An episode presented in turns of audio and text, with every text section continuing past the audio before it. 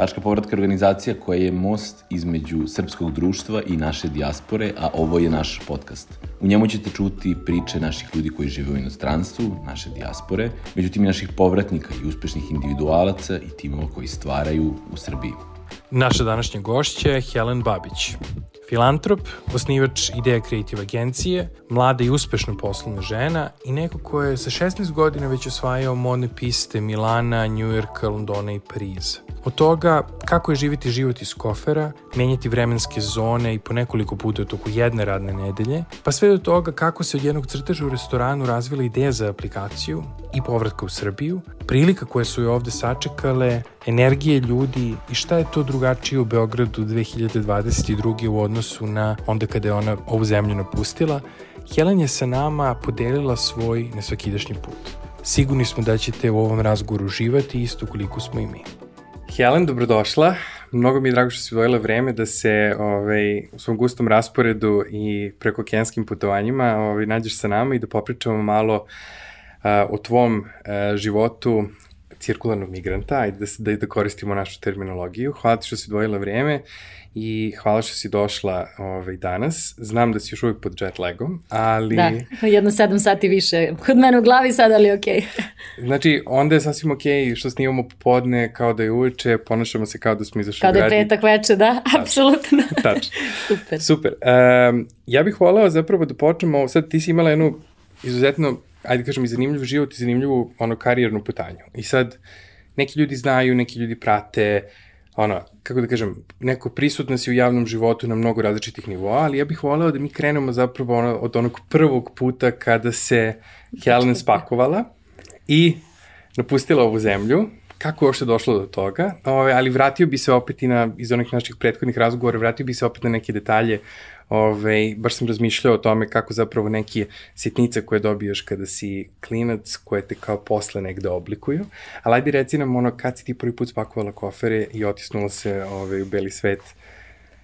Pa ja mislim da je to bilo, pre svega hvala, na, u stvari, pre svega hvala što ste, što ste me primili i što imamo sad priliku da pričamo o tako divnim stvarima životnim.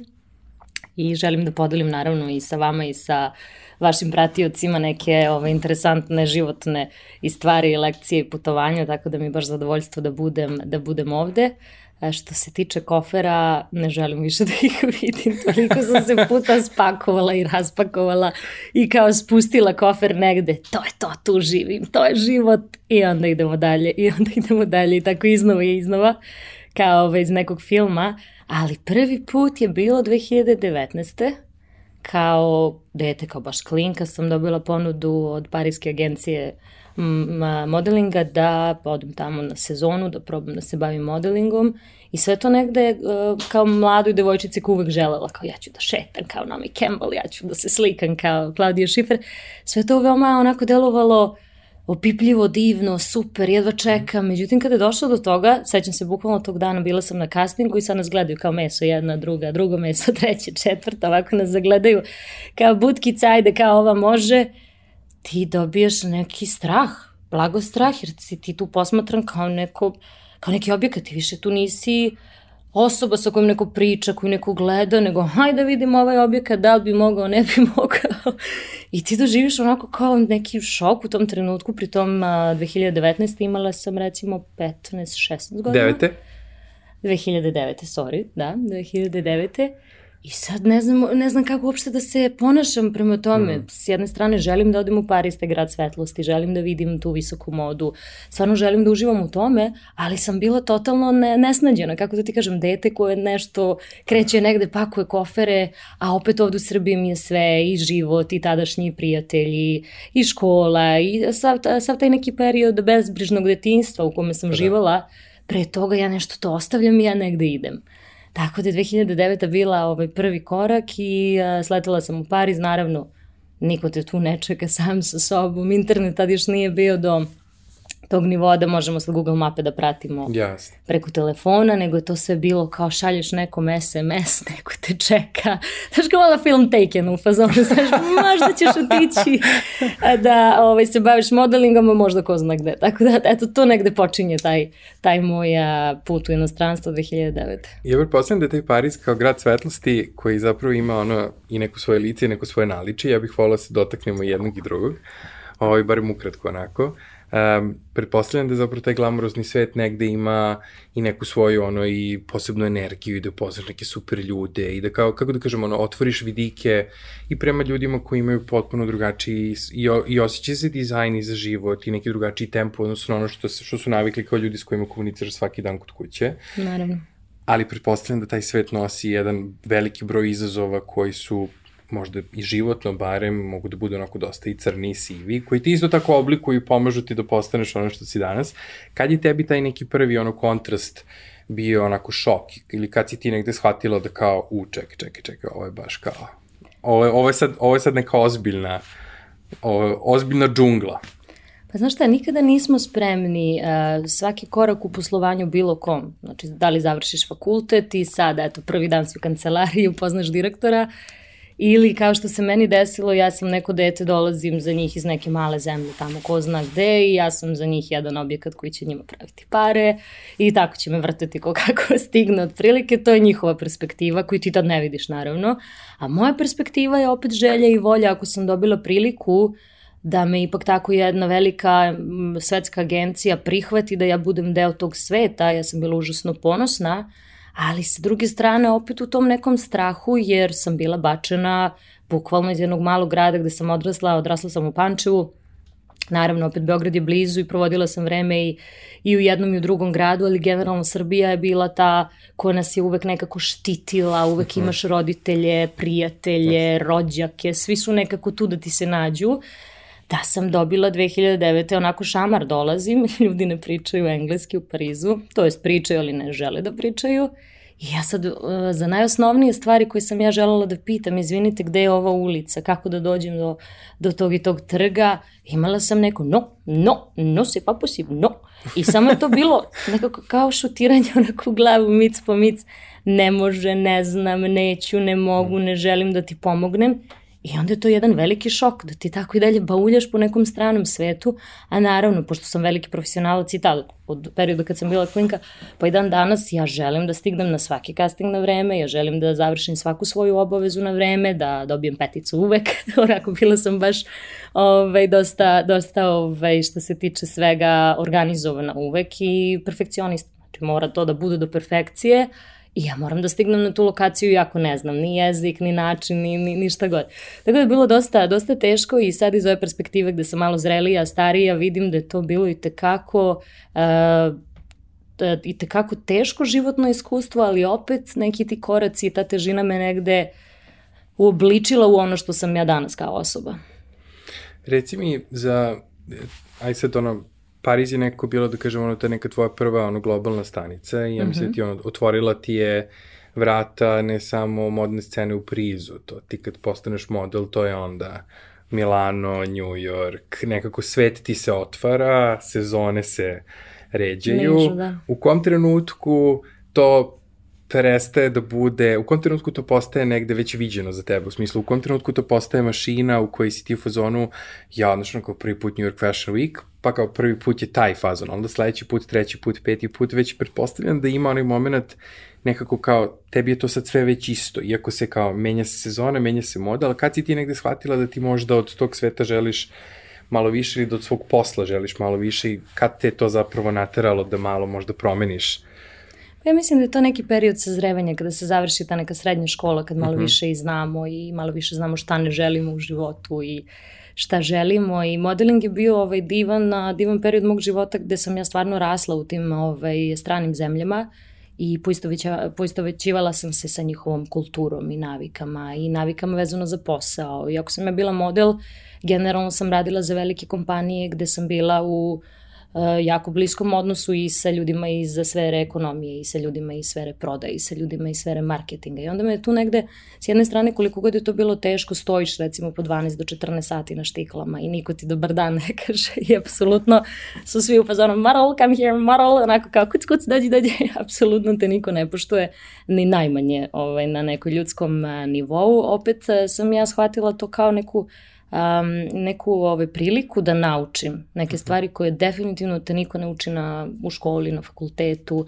To je neka praksa, radna praksa koju sam ja imala sa sa tako malo godina, še, od 16. Mhm. do neke 20. 21. godine, tako da sam sta, stasala u okruženju tih velikih biznis kompanija koji su dan danas najveći na svetu, radeći jedan posao, ali sa druge strane sam imala priliku da upadnem i da dobijem iskustvo iz svih tih uh, sfera njihovog poslovanja, što je bilo super.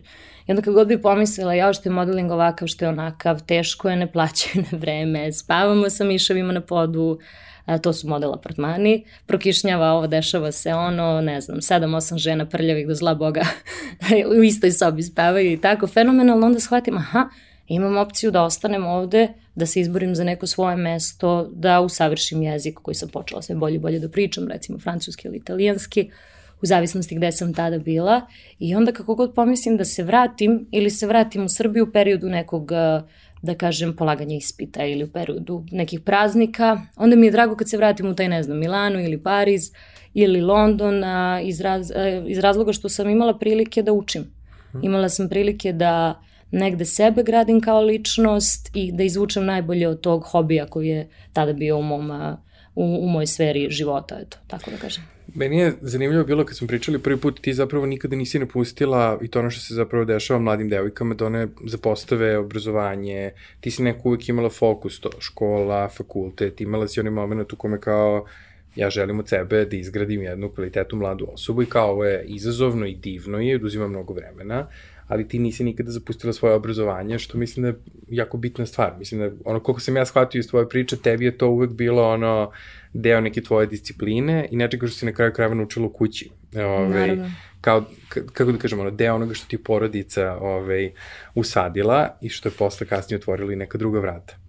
Naravno, veoma je bitno, bez porodice ništa u današnje vreme i mala zapadna kultura uh, beži od tog kulta porodice. Mm. Nekako je, zapad me je naučio da je svako sam za sebe. Apsolutno se možda porodica vidi u periodu Božića ili ili Uskrsa, ali nikada između. I ja mislim da je to jedan veliki uh, hendikep, naravno ne možemo svi da biramo idealnu porodicu i idealno okruženje u periodu odrastanja, ali moja porodica je bila tu, uh, dali su mi jedan period tog čeličenja kad sam kao klinka otišla, da spavam na dušeku na podu, da vidim način zapadnog poslovanja i da vidim koliko je teško ovaj, jedan evro zaraditi, koliko je to u stvari naporno.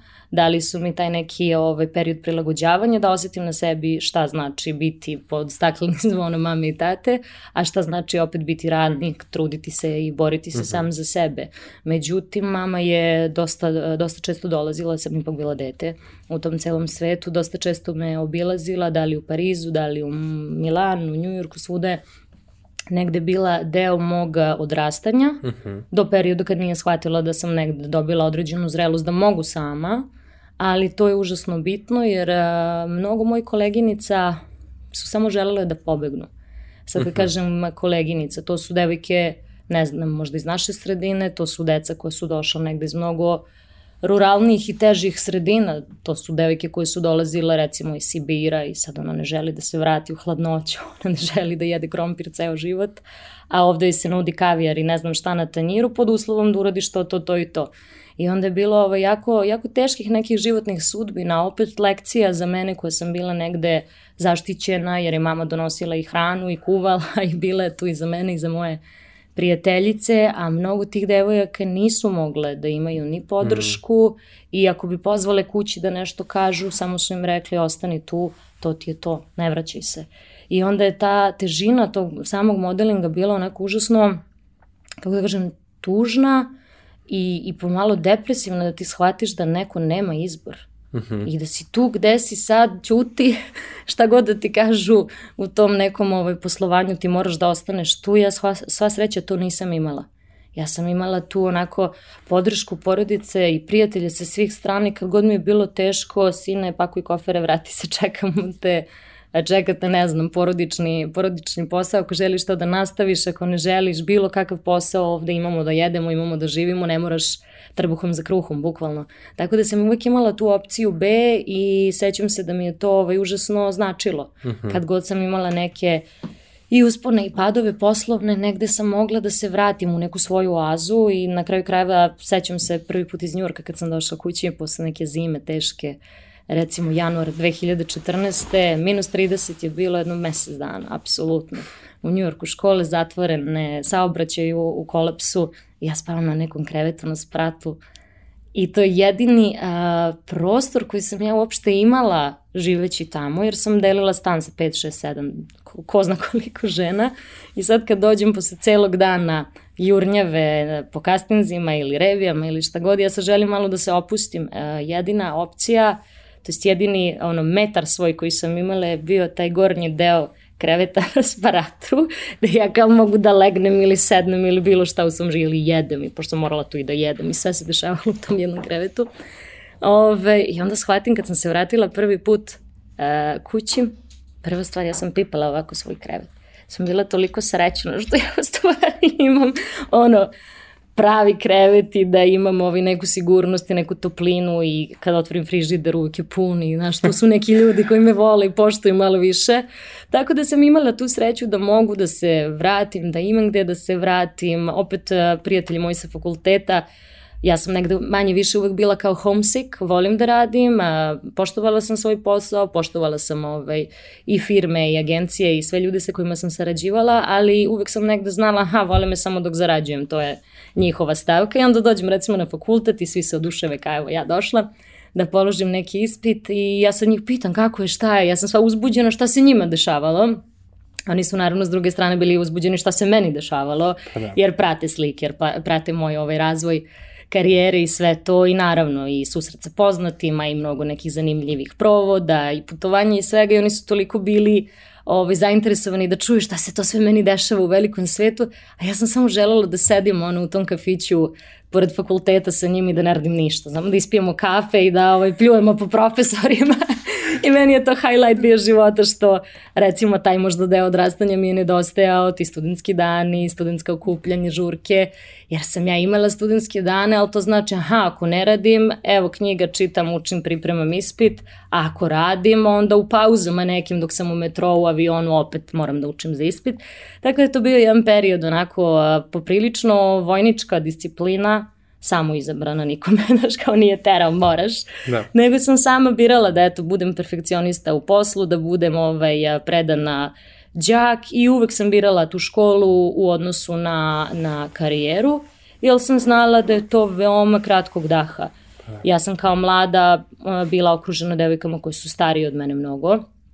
Bila je recimo jedna devojka koja je bila tada recimo starija od mene pa 15 godina, tako nešto da kažem, ajde da kažem žena od negde 30 godina, da u nekom periodu ja shvatam da ona nije završila ni srednju školu. Sad mi pričamo naravno na sve teme, drugarice, družimo se. I onda shvatim koliko su te neke stvari uh, poraz u tom mhm. poslu. Aha, napravila si pare i šta posle nisi više ni mlada, ni lepa, ni čila, i ne interesuje te da čitaš i ne interesuje te da se baviš bilo kakvim da kažem kursom ili istraživačkim radom ili bilo kakvom sferom mentalnom svog bića.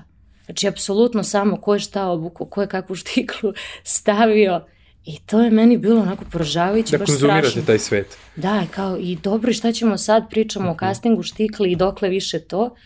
I onda me malo i to poražavalo i negde vraćalo uh, u, u, u bit svoje ličnosti, da ja to ne želim da slušam. Da ja s takvim ženama, osim što moram da radim i da ih poštujem u nekom trenutku, zajedno smo na pisti, zajedno smo iza kamere, ispred kamere, da apsolutno nemam nikakvih dodirnih tačaka i da mene taj sve totalno ne zanima. Hmm. I da čak te revije koje su bile tako velelepne, divne i taj moment slave je bio toliko divan samo trenutka kada se to desi. Pre toga i posle toga apsolutno mi to nije negde ispunjavalo. Sad ću da kažem, volim dobru cipelu, volim dobru torbu da kupim, uživam onako u lepim haljinama, ali kao na kraju krajeva posle toliko godina nošenja istih stvari koje sam hiljadu puta obukla i skinula i obukla i skinula, nekako izgubi tu vrednost. Mm -hmm. Nemaš više tu toliko ljubav. Demistifikuje. Ne, prema de, tome. Demistifikuje se. Da, jer je nekako materijalna stvar koja znam da može da se pocepa, isto tako može da se zašije i opet nema neku pretiranu vrednost. Mm. Šta, šta bi rekla da ti je od svih tih gradova u kojima si boravila u tom periodu, od kad si zapravo prvi put otišla do um, 20 i neke godine, je li bio neki grad u kojem si ti osjećala kao da je kuća, u smislu ono gde si ti osjećala kao svoje, ili gde si, gde si se osjetila da možda najviše pripadaš? U tim godinama, u tom mentalitetu, ali ono, je li bilo negde si bila fazona, uf, kao ovde mi se dopade, kao, ovde bi možda mogla malo da, duže da ostanem. Opet po meni ja sam dosta ovaj, komunikativna i volim da budem sa ljudima mhm. -huh. i izrazito preziram samoću jer sam dosta dugo živela sama i onda gde god da se pronađe neki kao prijatelj, neko ko može da ti ovaj, predstavlja porodicu ili negde da te emotivno ispuni, e, ti gradovi su mi značili mnogo. Uh mhm. -huh. Znači vezuješ ih za ljude? Naravno, apsolutno za ljude i mislim da možemo sad u prijatnom društvu da sedimo nas na klupi i da nam to bude najbolja noć u našem životu. Iskusili smo sve to ili kao eto da plačemo u zamku i da nije to to. Tako da m, mm, upoznala sam mnogo raznolikih ljudi, E, različitih karaktera, od ljudi koji su postali dan danas možda i prijatelji kao bliska porodica, do ljudi sa kojima stvarno nisam mogla da ni dve, tri reči progovorim. Tako da je svaki grad negde gradio moj odnos prema tom gradu vezano za ljude. Pariz je bio veoma težak, apsolutno nikoga ništa nije zanimalo osim da budem tu gde jesam i stvaram pare za te modne agencije i za klijente i stvarno do dana današnjeg nikad osmeh nisam dobila u Parizu, nikad zahvalnost neku, nikad, nikad neku ljudsku da kažem a, osobinu koja bi bila tu da kažem ja što su ovi ljudi dragi, što ovaj grad divan. Ne, mm -hmm. apsolutno uvek bilo ne i uvek je bilo nekako doviđenje, prijetno nisi odavde i šta tražiš ovde, to je Pariz bio. Milano je bio dosta drugačiji. Mm -hmm. Milano je grad koji mi je ono uvek nekako prirastao srcu jer su ljudi bili topli i potrudili su se da mi nekako, bar na jedan period dok sam živala tamo i radila, budu deo, deo porodice, da kažem. I to apsolutno ljudi koji, koje nisam ni poznavala, ljudi na ulici, ljudi iz komšiluka, uh mhm. uvek su bili raspoloženi, uvek su želeli da bilo kome mladom na ulici nekako pomognu, da se tu nađu, rukama i nogama, pogotovo rukama italijani, uvek su, iako nisu pričali engleski, nekako bi mi dali um, trenutak pripadnosti da ja tu treba da budem i da će oni meni da objasne nešto i da mi pokaže, da mi pomognu. Mnogo prijatelja sam stekla tu, međutim tržište Italije tada nije nešto bilo za moje poslovanje idealno. U smislu mnogo sam manje privređivala nego u Parizu, ali sam bila mnogo srećnija. Ja sam bila u fazonu sad agencija, naravno i agencije matične te koje te uh, u tom svetu negde ovaj, guraju i tvoji menadžeri su uvek te teraju, mislim ne teraju, ali predlažu ti da ideš na tržište gde oni mogu najviše da zarade, naravno. Ali ja sam bila u fazonu, ne, ali ja želim da idem u Milano ili u Atinu koja se plaćalo još 90% manje od svega toga, ali ja kao obožavam Atinu zato što su ljudi tamo divni i topli i tako, znala sam da, da pobegnem, mm -hmm. vikend neki kao, e, moram da idem neki ispit da završim i onda zapalim tamo gde mi se ide otprilike da radim i da budem u okruženju ljudi koji su topli, koji su, koji su dragi i na kraju krajeva, na kraju dana da, da odem kući sa nekim osmehom, a ne da odem kući ono besna i ljuta što sam eto ceo dan provela u tom Dioru na štiklama i tako eto. Kada ti je, kada ti negde shvatila da kao, e, sad kao planiraš zapravo neku promenu, ajde uslovno rečeno, e, ti zapravo živiš iz kofera jako dugo. I onda pretpostavljam to u nekom trenutku postane zapravo ono, modus operandi, nešto što ti je dnevna rutina, nešto na što si navikla. Ali kad si negde shvatila da zapravo moraš da želiš da promeniš da taj posao, koji si videla i lici naličije i glamur i sve ove stvari koje si rekla kao to, spavanje na podu, ti ono, model apartment su kao stvar koja je sad već u popularnoj kulturi postala jedan ono sinonim tog nekog malte ne, ono, nehumanog života za, za tako mlade, posebno za mlade devojke koje to dolaze maloletne iz Sibira, ne znam gde se nalaze, šta, kako sve. Kada si ti shvatila da zapravo želiš da napraviš promenu i da nekako, aha, čekaj, čekaj, čekaj, čekaj, ja bih sad ovde nešto pravila malo drugačije, ja sad ovo sve poznajem, imam sad i neka nova saznanja, imam neka nova iskustva, ja bih možda htela malo da se prebacim u biznis stranu. Kad, kad Helen postaje, postaje, barem u svojom mindsetu, ona mlada biznis žena koja pičuje ideju. Pa znaš šta, to je ovaj, to je, to je došlo negde samo od sebe, ali negde te i život uh, vodi ili nosi u mhm. put, na, na put gde ti trebaš da budeš. Nikad neću zaboraviti kada sam imala tri godine, recimo, Završila sam neki kurs za male manekene, to je ono kad roditelji imaju višak vremena pa ne znaju šta će se, to je kada roditelji nemaju višak vremena pa trebaju dete negde da upišu, pa sam prošla sve te sekcije od balerine do, do modela i ovaj, raznih eh, tih, eh, pa nekako umetničkih sekcija, to je mene negde uvek zanimalo, ta umetnička duša sam I onda sam sa tri godine dobila diplomu kao malog modela, ja sam završila taj kurs i samo sam stala ispred mame i tate i kažem gotovo je sad za igračice, pevačice i glumice i to je to. Ja sam negde svoj svet tako, tako doživljavala i nije imao veze sa biznisom uopšte, a odrasla sam u kancelariji svojih roditelja koji su pravnici, advokati, gde sam imala dan, noć negde iskustvo vezano za biznis i to me stvarno nije privlačilo nikada, da budem iskrena, negde sam ovaj, bežala od toga poslovanja odraslih ljudi, velikih kolektiva, kancelarija, napornih papira, to me uvek negde plašilo i nije bilo ovaj, u mojoj nekoj viziji budućnosti, međutim, kako te život negde dalje ovaj, odnese, ja sam želela recimo u srednjoj školi da pobegnem od matematike i želela sam da radim nešto što je opet umetne, umetnost, pa sam htela baletsku školu ili jezičku gimnaziju, Pa su mi tada rekli, aha, znači vi želite da živite u Parizu i da tamo radite, a ovde da studirate, pa ne može.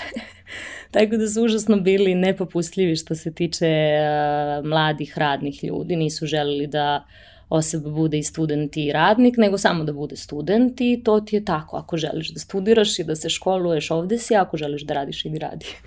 Dakle, to meni bilo onako malo ovaj, teško i zato sam se opredelila za ekonomiju i završila nešto što nisam želela ni u kom trenutku mog života. Apsolutno me to nije interesovalo ni brojevi, ni ekonomija, ali to je opet neka sfera koja mi je otvorila, koja mi je otvorila put ka sazrevanju budućeg radnika, danas nekoga ko se bavi marketingom i ko uživa u tom poslovanju. Mhm. -huh. Tako da nekada stvari koje želiš možda i nisu 100% te stvari koje trebaš, mhm. -huh. za koje treba da se opredeliš i to se meni desilo, da sam bila umetnik, neko ko voli muziku, neko ko voli glumu, dan danas uživam u tome, imala sam prilike da se oprobam ispred kamere i da par filmova snimim i serija, ali to je nešto što je opet sa strane hobi, nešto što je moju dušu ispunilo, ali od toga ne može da se živi, to sam shvatila i da vrlo malo ljudi može da opstane uh, u tom svetu umetnosti 100% da samo živi od toga. Nowadays ono stvarno je težina da budeš samo umetnik I onda mi je ta moja sfera poslovanja mnogo slatka sada da imam ono što želim uh -huh. u mhm. smislu uh, kreativu kojom se bavim, uh, da imam dodira sa umetnošću, ali da opet se bavim biznisom koji danas uh, plaća moje račune i moj život. Reci mi, kada, kad si zapravo odlučila da se vratiš, kako je sad tekao taj, ono, uh, taj put nazad, šta je bio splat okolnosti, šta je bio mindset, da li si uopšte nekad imala na moment uh, sad možda mogla se malo vratim u Srbiju i da budem tu neko vreme, ili si stalno bila u zonu novi izazov, novi izazov, novi avion, pa, novi vrlo let? Dugo sam, vrlo dugo sam ove, bila vođena tim izazovima, uh mhm. -huh. jer, sam, jer sam imala dovoljno godina uh, da sam bila i dalje mlada u tom modnom svetu uh mhm. -huh. I nisam videla recimo tržište Amerike pa sam želela da iskusim to. Pošto sam kao sa Evropom završila dosta tržišta, sam obišla za dosta velikih imena sam radila i bila sam tu negde zadovoljna i uvek sam želela još nešto više. Uh mhm. ajde sledeća stepenica je New York, bila sam tamo godinu i po dana, dve.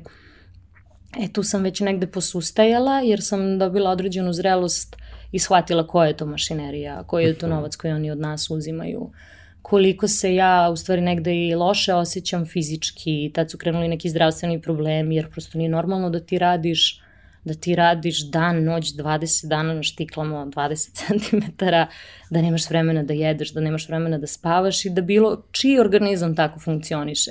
Tako da su možda te neke zdravstvene ovaj, stvari koje su počele da mi se dešavaju vezano za želudac, vezano za za ovaj, ishranu generalno, jer kao, uh, zašto, sećam se jedne doktorke koja je nešto pregledala moj stomak posle hiljadu tih putovanja i kao, pa ha, zašto, ja se sad uplašim, zašto ja imam doktorka taj i taj problem i ovaj, jedna simpatična makedonka koja kaže meni, to ti je sine od života. ja sad pokušam da ustanovim da li sam ja stvarno u nekom problemu, da li ja imam nešto, to ti je sine od života, ne spavaš, ne jedeš, to ti je. I onda sam ja to shvatila kao neku opomenu, naravno. Ove, reset za, button, a? Da, reset kao, aha, kad sam posljednji put ja normalno spavala, jela, kad sam sela da ja pojedem tu supu, a nisam je žvakala u metrovu ili sam jela neki oni trouglasti sandvič plastični iz automata i onda shvatam, aha, šta ja to žrtvujem, ovde imam svoj organizam, svoj život koji trebam da živim i posle 20. A s druge strane, ja sam neka mašinerija koja proizvodi nekome pare i sa tim parama onda odem platim lekove i tako se lečim i tako u krug. I to je bio prvi možda ovaj, znak da kao preterujem i nije zrelo i nije realno da se toliko mučim i da toliko radim. Niko, ne, ne samo ja. Apsolutno nije bilo zdravo zato što tempo modelinga je takav, apsolutno se sezone i sezone smenjuju sve brže i brže, ako nećeš ti da stojiš 10-15 sati, evo ova će da te zameni u milisekundi. I to je znalo da se desi, recimo ja kažem, zamolim nekog klijenta, izvinite, da li mogu do toaleta ili ja sam nešto gladna, a, ide telefon, zove se agencija, pošaljite još jednog roba, doviđenja, prijatno i tako. I onda shvatim šta ću čoveče, ja ovde, super lepi New York, zanimljiv je LA sve ovaj, strava, ali ja negde gubim sebe kao uh mhm. -huh. zdravu osobu, gubim sebe kao ličnost i sa svim tim parama na kraju krajeva šta ću da radim, znaš, lečit ću, lečit ću se i ovaj, na kraju krajeva neću moći ne znam šta da uradim sa njima ako ja nisam zadovoljna. Tako da sam tu prvi put počela da shvatam da taj posao nije toliko uh, divan i da ni jedan posao na svetu nije nešto što treba, če, čemu čovek treba da robuje. Mhm. -huh. Jer apsolutno profesija je jedna stvar, a život i to neko slobodno vreme e, je druga stvar i naravno pre svega zdravlje. Ovaj, mnogo mladih greši i sve jurimo za nekim novcem, za nekim uspehom, za nekom satisfakcijom, na kraju krajeva šta imaš od toga, znaš, kao ništa bolje nećeš živeti sa, sa ove ovaj, malo manje pare ili malo više ako nisi, ako nisi okej. Okay. Um, gde je tebi negde bio ono prelomni trenutak kada, nakon što si usporila, um, kad si krenula zapravo, čekaj, čekaj, ja bi sad možda mogla da radim nešto svoje, gde je bio taj trenutak kada ti kažeš ja bi sad volala da se oprobam u poslovnoj sferi, ali ne kao neko ko je izvršilac, nego kao neko ko sad, ko je ono, ko drži svoj biznis, znači neko ko sad prilazi, pregovara sa svim tim ljudima iz perspektive kao neko ko je ono klijent i partner, a ne samo model ono iza kamere. Kad, kad, je, kad je taj switch nastao i kad si zapravo odlučila da se vratiš, da se vratiš u Srbiju?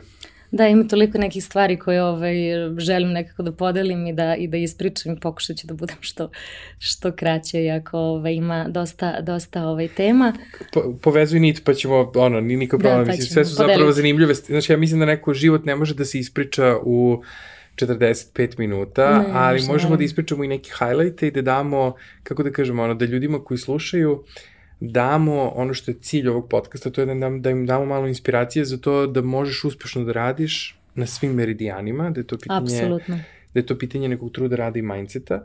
I baš zato su nam ono uspešni povratnici ono uvek u fokusu, jer kao to su priče koje mi koje redko pričamo. Pričamo o tome kad je neko failovo, kad je neko jako uspeo nešto u inostranstvu, Naravno ali ne pričamo o normalnim životima ljudi koji vode jedan zdrav život, koji rade neki svoj posao s kojim su srećni, koji kao zapravo rade ono što, bismo, što bi većina nas volila. I onda te priče želimo zapravo da njima damo ovde mali ono celebrity spotlight baš na taj način i to, to su i komentari ljudi koji slušaju, kaže, hvala vam što ste podelili ovu priču, to nam je bitno. Tako da, ajde ti slobodno, polako, da. šta ti, gde, kako, ti se, kako ti se slažu ove uh, utisci, misli i sećanja, pa ćemo, doći ćemo i do poradka Srbije.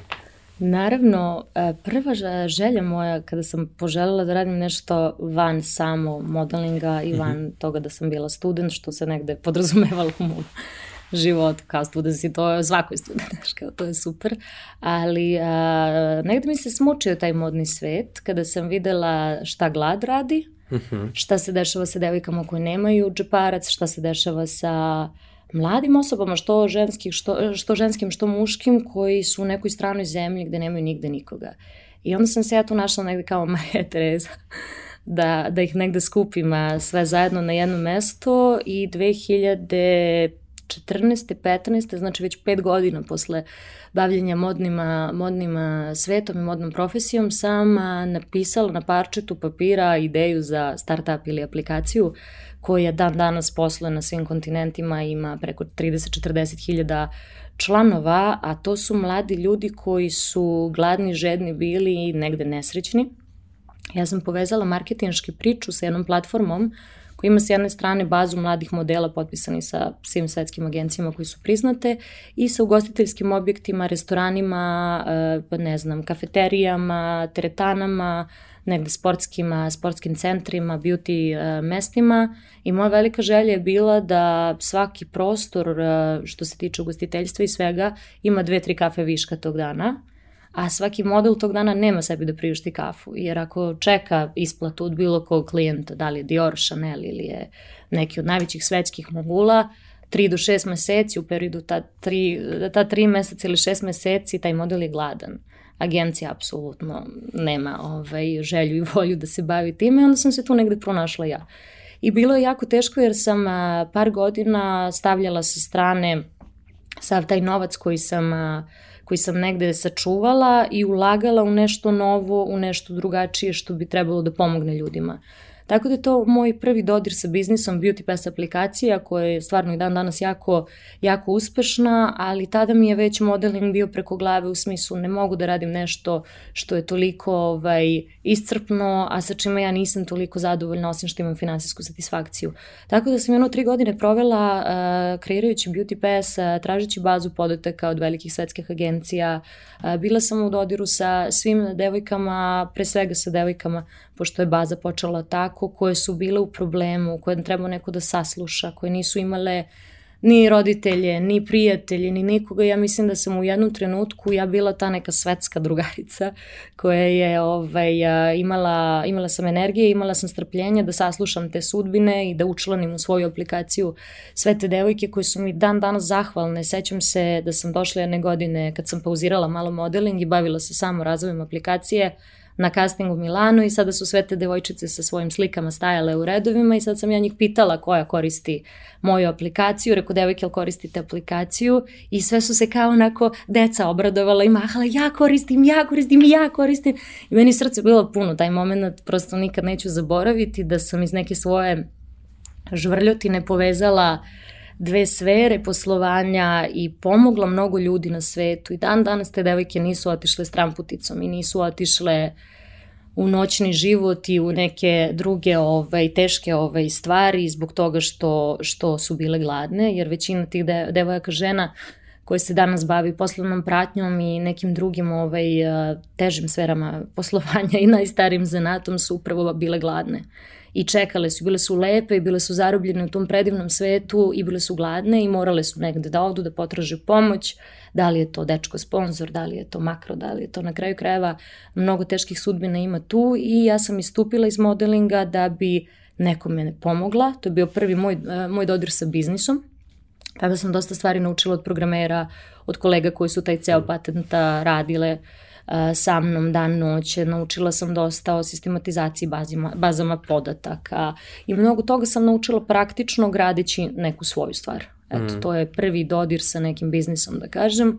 Manje više, opet, dosta sam porodici uvek pomagala kad god bi bila u Srbiji, ako se desi nešto gde treba da se napiše neki ugovor, ako se desi nešto da treba da se recimo bavi nekretninama, uskakala sam kad god sam mogla. Tako da mi biznis nikada nije bio uh, stran, aplikacija me negde odvela u, uh, u sferu poslovne žene, da uh mhm. -huh. više nisam bila samo ta što se šeta, vrti, skida i oblači, nego da sam negde počela i ja da budem zrelija i da je više počeo da me privlači taj svet iza kamere i to neko stvaranje i ta neka budućnost i kreiranje svog tima i ljudi koji su pored mene i rasla sam sa mnogo mladih prijatelja koji su bili uh, na početku, posle završetka fakulteta, negde smo se svi gradili kroz tu moju prvu aplikaciju.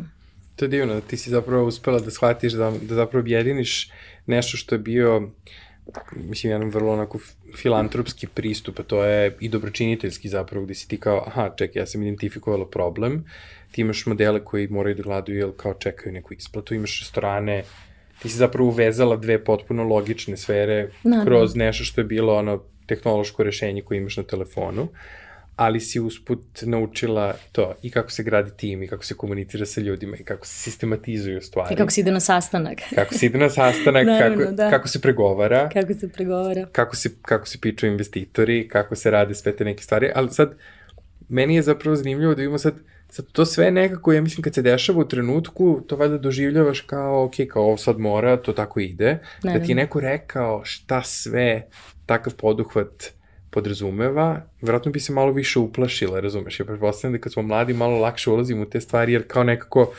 ma možemo, kao idemo, guramo, kao to je to. Da ti je neko zapravo sad svojim godinama seo i ispričao sve šta ćeš morati da uradiš, da li misliš da bi uopšte ušla tako lako u celu priču? Pa znaš šta, pre svega sve što se radi uh, iz srca, sve što se radi uh mhm. -huh. negde sa nekim ciljem da se poboljša uh, i svest ljudi i stvarnost i uh, ovaj svet u kome živimo, mene veoma vozi. To je neki drive koji imaš valjda urođeno, uh mhm. -huh. ta neka empatija koja se u današnje vreme veoma gubi. Empatija prema ljudima, empatija prema životinjama, empatija prema, prema svetu generalno.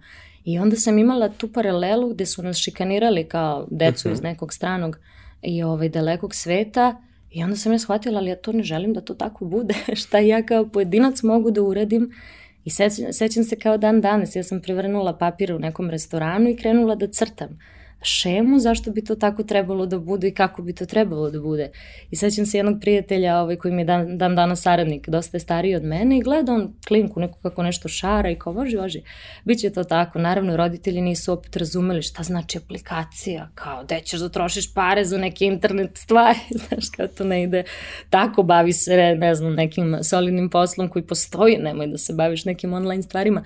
I tako, mnogo je bilo ljudi protiv, mnogo je bilo klijenata, iz stranog sveta koji su napredni u tehnologiju, aplikativnim e, softverima i sistemima, da ja njima objašnjavam razvoj aplikacije i oni me bledo gledaju. I zato što sam mlada, i zato što dolazim iz sredine iz koje dolazim. I apsolutno nisu imali poverenje ni u šta što ja pričam ili predstavljam. Da bi par, par godina kasnije isti ti ljudi ovaj, molili da dobiju opet deo te aplikacije, da mogu i oni da pomognu nekim drugim ljudima. I tako, to je jedan, jedan jako ovaj, težak put bio iz tog napornog modelinga, da kažem, koji je bio fizički samo iscrpan. Mm -hmm. Bolite noga, bolite, bolite leđe od stajanja, ali to negde brzo prođe do tog negde mentalnog bola da tebi ljudi ne veruju, da tebi ljudi gledaju ko mhm. šta će ova mala, šta, šta ti tražiš tu, Ove, do te mere da sam recimo imala e, susret sa, sa vlasnikom Fashion TV-a, svi znamo ovaj, mhm. gospodina ovaj, onog malo, malo šireg čiku, koji je slušao moj, moj pitch vezano za aplikaciju u centru Pariza u hotelu i sluša, sluša, sluša Kaže ovako, a što se ti sine ne udaš? Šta se ti baviš biznisom uopšte? Što se ti sine ne udaš? Mlada si, lepa si, ja ti to savjetujem. Teško ti ovo, naprvo ti ovo.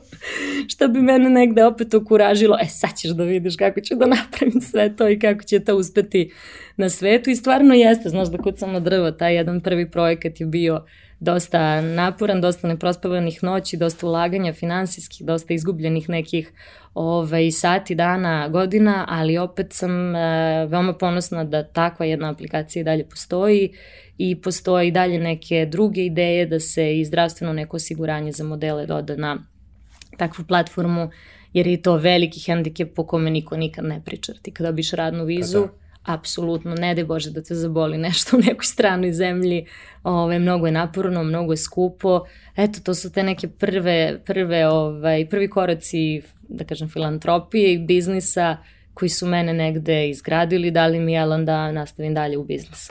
Ta, um, dok si radila na aplikaciji, gde si bila, gde ti je bilo sedište, uslovno rečeno, mislim, gde si bila, gde si najviše vremena provodila? Bila sam na relaciji London-Beograd. Uh mhm. -huh. Bila sam na relaciji London-Beograd i to je jedan od poslednjih, da kažem, ovaj, putovanja moj kada sam živala baš negde drugde. Mhm. -huh. I tada sam živala u Londonu i uh, stvarno sam volila taj grad, Ivan je, je, Evropa je stvarno po meni dalje jedan od najlepših kontinenta i super je sve bilo, međutim tada je krenulo da se, što, što uvek kažem, negde te život vodi gde smatra da trebaš da ideš. E, nisam mogla da dobijem tu neku sledeću radnu vizu, iz tog razloga je moj povratak u Srbiju se i desio.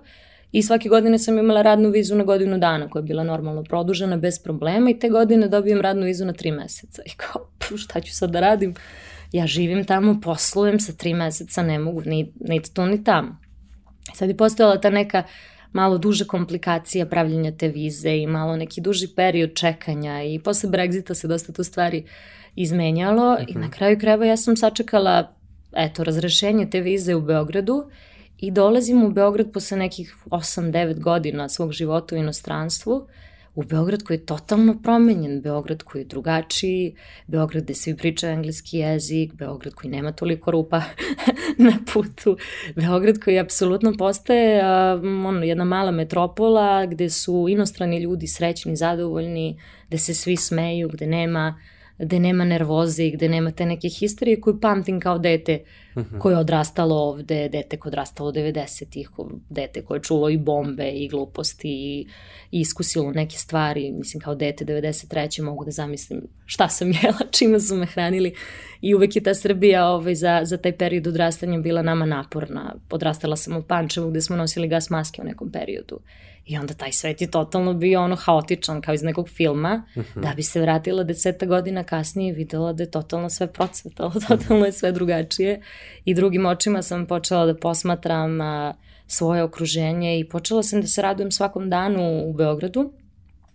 I uopšte nije u mom, tren, u mom životu, više mi nije nedostajao ni taj London, više mi to ludilo Njujorka nije prijalo. Tako mi je prijalo prijela mi je ta šetnja kroz, kroz te male neke ulice Pančeva ili Beograda ili Novog Sada i negde sam se možda emotivno uh, emotivno rechargeovala, kako da mm -hmm. kažem, dok sam negde na zapadu bila uvek stranac i neko ko je startuje sve iz početka, ovde sam obe ručke nekako bila prihvaćena što u okviru svog društva, prijatelja, budućih nekih uh, saradnika, dva, tri neka lepa uh, projekta sam radila ovde čim sam došla onda je postojala opcija da li da se vratim za London ili da prebacim deo firme za Beograd, programeri su svakako bili ovde i da neke stvari radim online.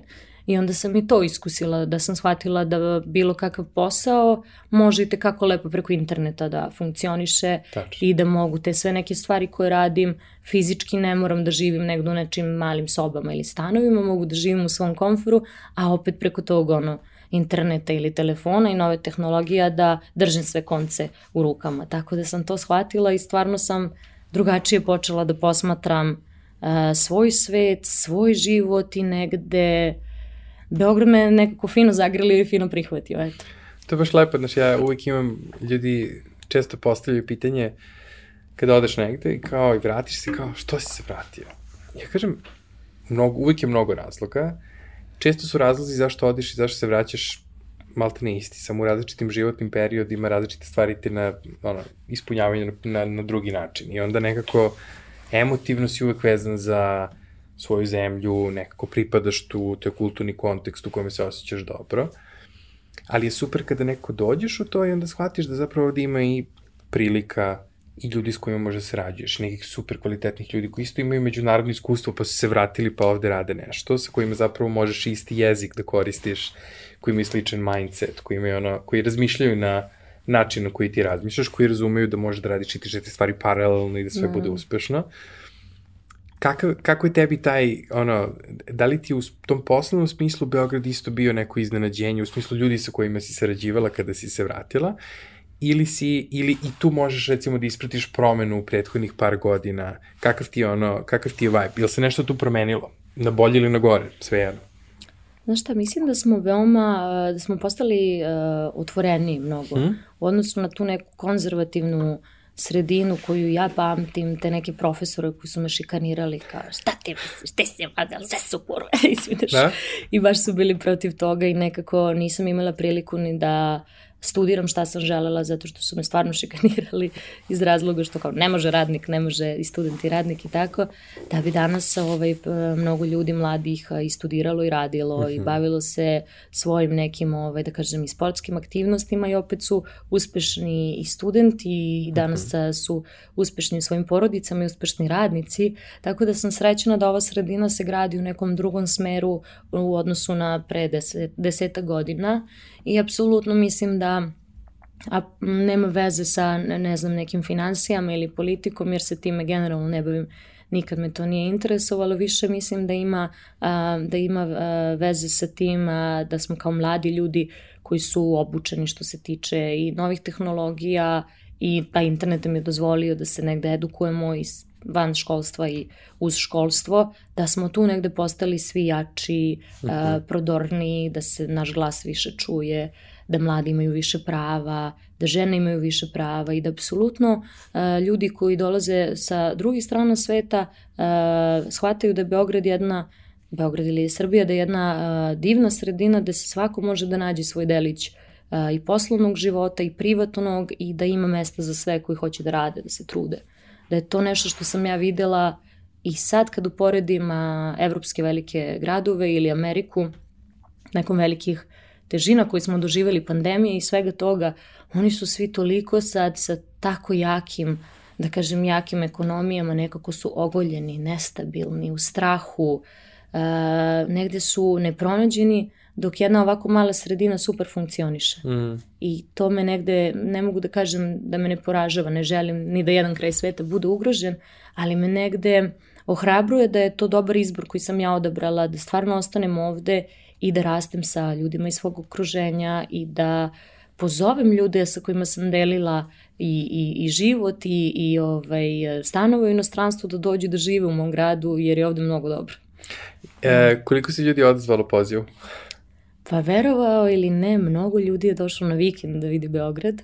Što se tiče mojih prijatelja i evo dan danas, par godina kasnije, tu su. Tu su još uvijek strava, da, to, to je baš lepo da. i uvek volim kad uspemo da kao pozovemo nekog da ga zarazimo sa tim beogradskim ono, virusom ili da, sa, sa da. srpskim da. virusom, naš i Novi Sad je sad isto postao... Naravno, Novi Sad je predivno grad. Da. Ljudi dođu i onda kao odu u Novi Sad i kažu, u, više mi se dopada Novi Sad, odnosno na Beograd, e, isto je super i kao tako da ono, imaš, možeš da pronađeš ono svoje mesto u zavisnosti od toga šta ti prije, ali mi je baš drago da se, da se to dešava.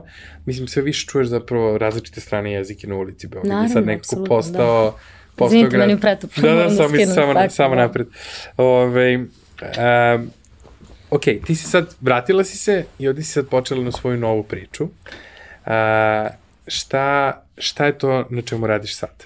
Šta ti je sad fokus? Pre tri godine, pre korone malo, uh mhm. -huh. to jest kada sam se vratila, prvo sam se bavila filmom i serijama. To je uh mhm. -huh. bilo nešto što je pronašlo mene i od čega nisam bežala. Naravno, taj rad ispred kamere mi je poznat nikada nisam želela da budem sad nešto glumica, osim onda kad sam bila dete, kad sam želela sve to medijski da popunim.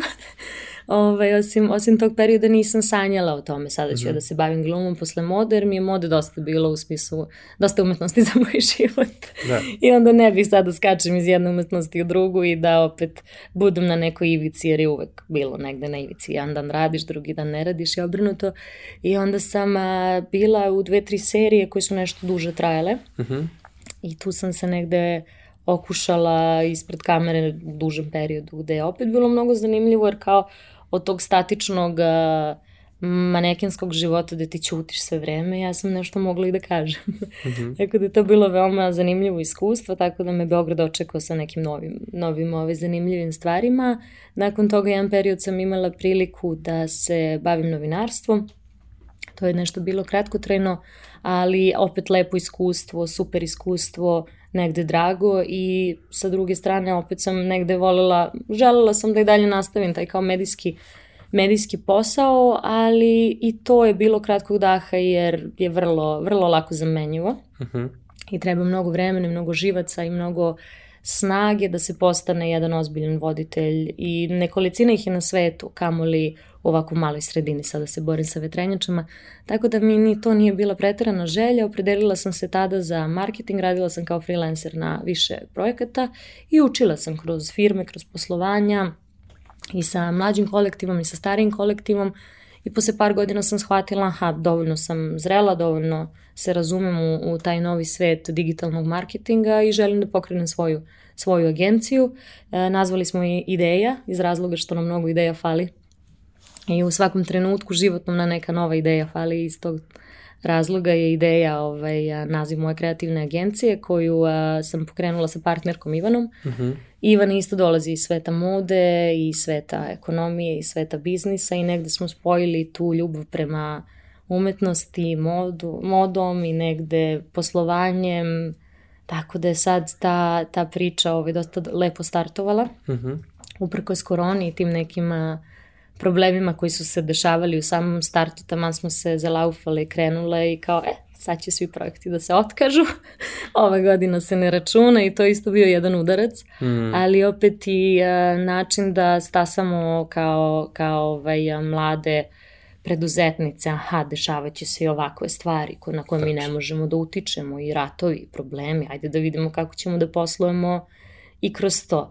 Tako da je to bila jedna jako, jako ovaj, fi, fina ovaj, vežba za živce i za, za generalno ovaj, rast i razvoj, ali ideja je sada broj skoro 5-6 članova. Jako sam ponosna na svoj tim, to su mladi grafički dizajneri, ljudi koji se bave digitalom, ljudi koji se bave programiranjem, kliktanjem, obožavam svoje kliktače i koji ispunjavaju na sve načine ovaj, ono što se danas traži na tržištima i koji pomažu brendovima a, ra, da rastu i pomažemo generalno ljudima da neke svoje ideje realizuju i da biznisi budu uspešni širom sveta. Ima jedna stvar koju smo pričali koja, koju sam sebi ono dao kao mentalnu belešku da moram da pomenemo, jer mislim da je jako bitna i mislim da je jako lepa, a to je da ti nikad nisi zapostavila svoj filantropski rad, odnosno nikad nisi zapostavila taj moment da u nekoj sredini, ako možeš da uradiš nešto dobro, uradiš nešto dobro. Da, apsolutno, apsolutno. U nekom trenutku to je jako čudno, kažem, verovatno sam u nekom drugom životu bila mnogo, mnogo uspešnija i bogatija i verovatno sam bila neka neka ovaj, vojvodkinja koja je tako davala šakom i kapom kao Robin Hood, ali u nekom drugom ovaj, sa Asija pijedestalom. ovaj, ne znam, ne znam uopšte kako je došlo do, do toliko privrženosti za tu filantropiju i to davanje stvarno u mom okruženju nema puno ljudi koji se bave time, čak šta više mnogo ljudi je prokockalo te šanse kada su navodno želeli nekome nešto da daju pa su završili za rešeta kada su krali pare i sve i svašta. Onda smo okruženi takvim nekim stvarima koje su uh, jako prisutne i jako poražavajuće, a onda ja dolazim kao neki mlad čovek, ja nemam preterano puno, ja stvaram. Ja i dalje pravim i svoj neki budžet i, i svoj neki uh, pravac što se tiče posla, a opet dajem, imam potrebu da dajem, jer je to negde jače od mene. Ove godine uz ideja uh, kreativnu agenciju smo pokrenuli uh, ekološku manifestaciju koja se zove Sunset Fashion. Uh -huh naravno Sunset Fashion by Ideja, opet ideja tu prisutna i a, skupili smo donaciju za eroziju Ade Bojane. Napravili smo jednu super modnu reviju, 14 dizajnera učestvovalo na samom ušću Ade Bojane, jer smo čuli kada smo boravili tamo, moja koleginica Ivana i ja, koliko je u stvari a, teško da se, da se zadrži a, cela ta obala, jer je prošle godine 10% obale nestalo. I da su to neki faktori što prirodni, što faktori koji, koji ljudi ovaj, rade, recimo kada se završi letnja sezona, ovaj, kradu pesak i onda se zato dešava erozija i onda se pomeraju granice i onda nestaje deo, deo ostrava i nestaje ta divna priroda i ne, nestaje ta uh, nestaje to zelenilo od koga mi svi dišemo i živimo. I onda kada sam takve neke podatke saznala, dobila sam opet, ja kažem, taj inat i tu želju da vidim na koji način ja mogu da doprinesem. I stvarno smo imali jednu fenomenalnu uspešnu reviju sa domaćim i stranim dizajnerima, ljudima koji se bave ekološkom modom, koji se bave zelenom modom, koji su bili deo, deo tog, da kažem, modnog spektakla i pod otvorenim nebom smo imali divnu modnu reviju, gde smo koleginica Ivana i ja stvarno sa svojih deset prstiju sve to organizovale. Naravno, s podrškom nekih prijatelja koji su bili tu uz nas, ali ja mislim da, da je to bio opet još jedan, da kažem, izazov za nas ili challenge, da kao stvarno kad imaš ideju i radiš nešto iz srca, desit ću se. Za kraj, dva pitanja koje volimo da postavimo ovaj, našim gostima. Prvo je da imaš čarobni štapić, šta bi promenila u ovoj sredini? Šta god daje. A druga je koju si um, knjigu najveći broj puta kupila kao poklon ili neki muzički album koji si najveći broj puta preporučila ljudima da slušaju. Može i jedno i drugo. I možeš da odgovoriš na jedno ili na drugo pitanje ko, koji god redosled hoćeš. Čarobni štapić je ovo fenomenalna stvar.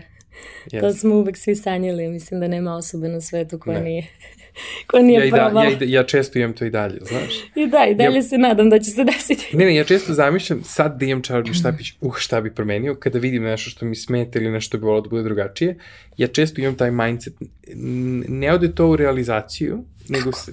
Pa, Kako ne ode? ali, ali budemo u zonu, uh, sad kad bi ovo mogu da promenim, neke od tih stvari postanu projekat, ali većina stvari ostanu na tome, ali nisam to ispustio. Šta tebe? Šta, šta, šta, šta bi tebi u ovoj sredini, u ovom društvu, da možeš da promeniš, da sutra važi neko novo pravilo, šta bi bilo? Pa novo pravilo, mislim, volila bi više pravila. Znaš, ja bi svom čarobnom štapiću dala podugačko listo ovako, dobro, slušaj dobro. štapiću, trebaš to i to, to i to. Ne, apsolutno, e, najviše me možda poražava ta e, ljudska nebriga, sebičnost, e, kako da kažem, poražava me, poražava me kada ljudi e, ne doživljavaju sredinu u kojoj žive na način na koji bi trebalo uh mhm. -huh. i to u svakom delu sveta. Kada sagovornik ne sluša sagovornika, uh mhm. -huh. kada nas ne interesuje a, svet oko nas. To možda dolazi iz nekih a, kulturoloških razlika, možda nekih, a, da kažem, a, mentalnih, drugačijih ovaj, sklopova ličnosti, ali dolazi i do možda nekih finansijskih faktora koji su tu, pa kao čovjek je nesrećan, nema novac, pa je besan na svet, ali kada bi mogla eto jednim čarobnim štapićem da, da povratim tu saosećajnost koju su ljudi negde izgubili, voljela bi da se to desi. Da više vidimo, da jedni drugima budemo tu, da budemo podrška uh, sami sebi pa onda svim drugima, da negde više budemo, uh, da kao ljudi budemo više, više da kažem, ljudski, kako da kažem. Global, globalna injekcija empatije. Globalna injekcija empatije definitivno iz razloga što je to na kraju dana jedino što mi imamo. Znači ta neka energija i sinergija koju razmenjujemo u svakom trenutku tog dana, osim kada je naravno čovek sam, ali tada smatram da čovek treba da bude onako blag prema sebi, nežan, nasmejan i da e, nedostaje te empatije i neke ljudske, uh, dobre, pozitivne energije. To nam nedostaje više nego bilo kakav gas ili, ne znam, sad da kažem, ovaj, nova tehnologija ili bilo kakvo novo radno mesto. Mislim, kada je čovek negde ovde u, u srcu i duši i u svom mozgu sastavljen i miran, da je to nešto najbitnije na svetu. Knjiga ili album? Knjiga ili album, ja, to je, to je veoma, veoma teško pitanje. Što se tiče muzike, od Silvane do Nirvane, apsolutno. to je isto moja velika ljubav muzika i uzet ću mikrofon gde god mogu i karaoke su bile ovaj jedan period mog života gde sam bila karaoke kraljica i apsolutno sam pevala ovaj, sve glasa svaki vikend. Da li je to bio ka karaoke town, Chinatown u Njurku ili Koreatown u Los Angelesu, to su bile ovaj, moje glavne zanimacije. Uh, Ko što se tiče jednog albuma, uf, uf, uf, uf, jako teško. Pre bi se vratila možda na neki Discman, pre bi neki dobar miks dala nekome. Aha, jer sam strav, kao klinka super. spavala sa kao slušalicama i kao Discman, moj miks sa torrenta se sve skida i dan danas bi to poklonila nekome, taj neki super, dobar miks kao Fantasy, kao, ovaj, a, kao poklon što se tiče knjiga, tonu sam ih pročitala, zaboravila, vratila se njima, mnogo knjiga sada čitam posle 10-15 godina koje nisam razumela u periodu tog nekog odrastanja, knjige koje su nam bile ovaj, naporne, teške, Rat i mir i Ana Karenjina i sve te neke teške stvari koje sad uviđam na drugi način koliko su to divna dela i meša nam je bio loš, Ivo Andrić i sve nas je to negde smaralo da bi danas čitala te stvari, podvlačila i negde se ovaj, a, poistovećivala sa nekim a, junacima, knjiga koju sam možda najviše puta negde zabeležila ili kao podvukla je definitivno Secret mm -hmm. ili Tajna, koja uopšte ne mogu da nazovem da se ne, nešto kao knjiga ili neko posebno umetničko delo, više kao podsjetnik za nas same, koji su to mehanizmi koji sami možemo da, e, e kako možemo sami svoj život da poboljšamo. Nemoj da izgovaraš stvari koje počinju sa ne, neću, ne mogu Necessar Nederland i da te neke negacije apsolutno treba izbaciti za korišćenja, da sa, čovek treba sam sa sobom ponekada popriča, da da sebi snagu, da veruje to što radi i ta knjiga, mislim da više od bilo koje knjige na svetu ima te energetske prizive lepih misli i, a, i stvari, tako da moguće da je to knjiga koja mi je onako negde ostala najviše u sećanju. Super. hvala ti mnogo, ja sam baš predsjećan što si odvojila vreme danas za nas. Uh, jako se radujem ove, svim nekim novim stvarima koje ćeš raditi kako sa svojim timom u okviru agencije. Želim vam da rastete Hvala. i da primate neki super ljudi iz inostranstva koji se vraćaju. Ono Absolutno. Da, da, ove, da povratnike inkorporišete ove, u tim. Naša vrata su otvorena. super. Ove, da. Javit ćemo ti se onda i po tom osnovu. Uvek ima prostora za sranju. Nama se uvek javljaju neki super mladi ljudi koji planiraju povratak. Slaću CV-eve tebi. O, obavezno, e, obavezno. I ništa, hvala ti mnogo. Uh, u kontaktu smo i pratimo, mi volimo sa našim porodnicima i sa ljudima koji nam dođu u podcast da ono, da se povežemo i da ih ono, držimo kao malo vode na dlanu, da gledamo šta radi, čime se bavi to. Kad god bude neka prilika i da pričamo ponovo i da se družimo i da razmenjujemo iskustva, ovo nam je sad bila ono ulaznica ovaj, za to, nadamo se da ćemo ti imati na nekom budućem podcastu pa da pričamo o nekim novim uspesima i nekim u nekim drugom, možda u nekom drugom formatu. Jako se radujemo i hvala ti još jednom što si bila gost danas. Hvala vama, divni ste i stvarno je ovaj vid priče i tekako bitan i tekako važan i voljela bi da svi mladi ljudi koji su negde bili u inostranstvu vratili se ovde, podele sa vama, to je sa svima nama i velikim auditorijom svoje priče, jer na taj način opet ta empatija i ta ljubav i, i ta budućnost i sreća ovaj, može da opstane. Ulivamo neku dobru energiju. Ulivate predivnu energiju. Hvala puno. Super, hvala tebi.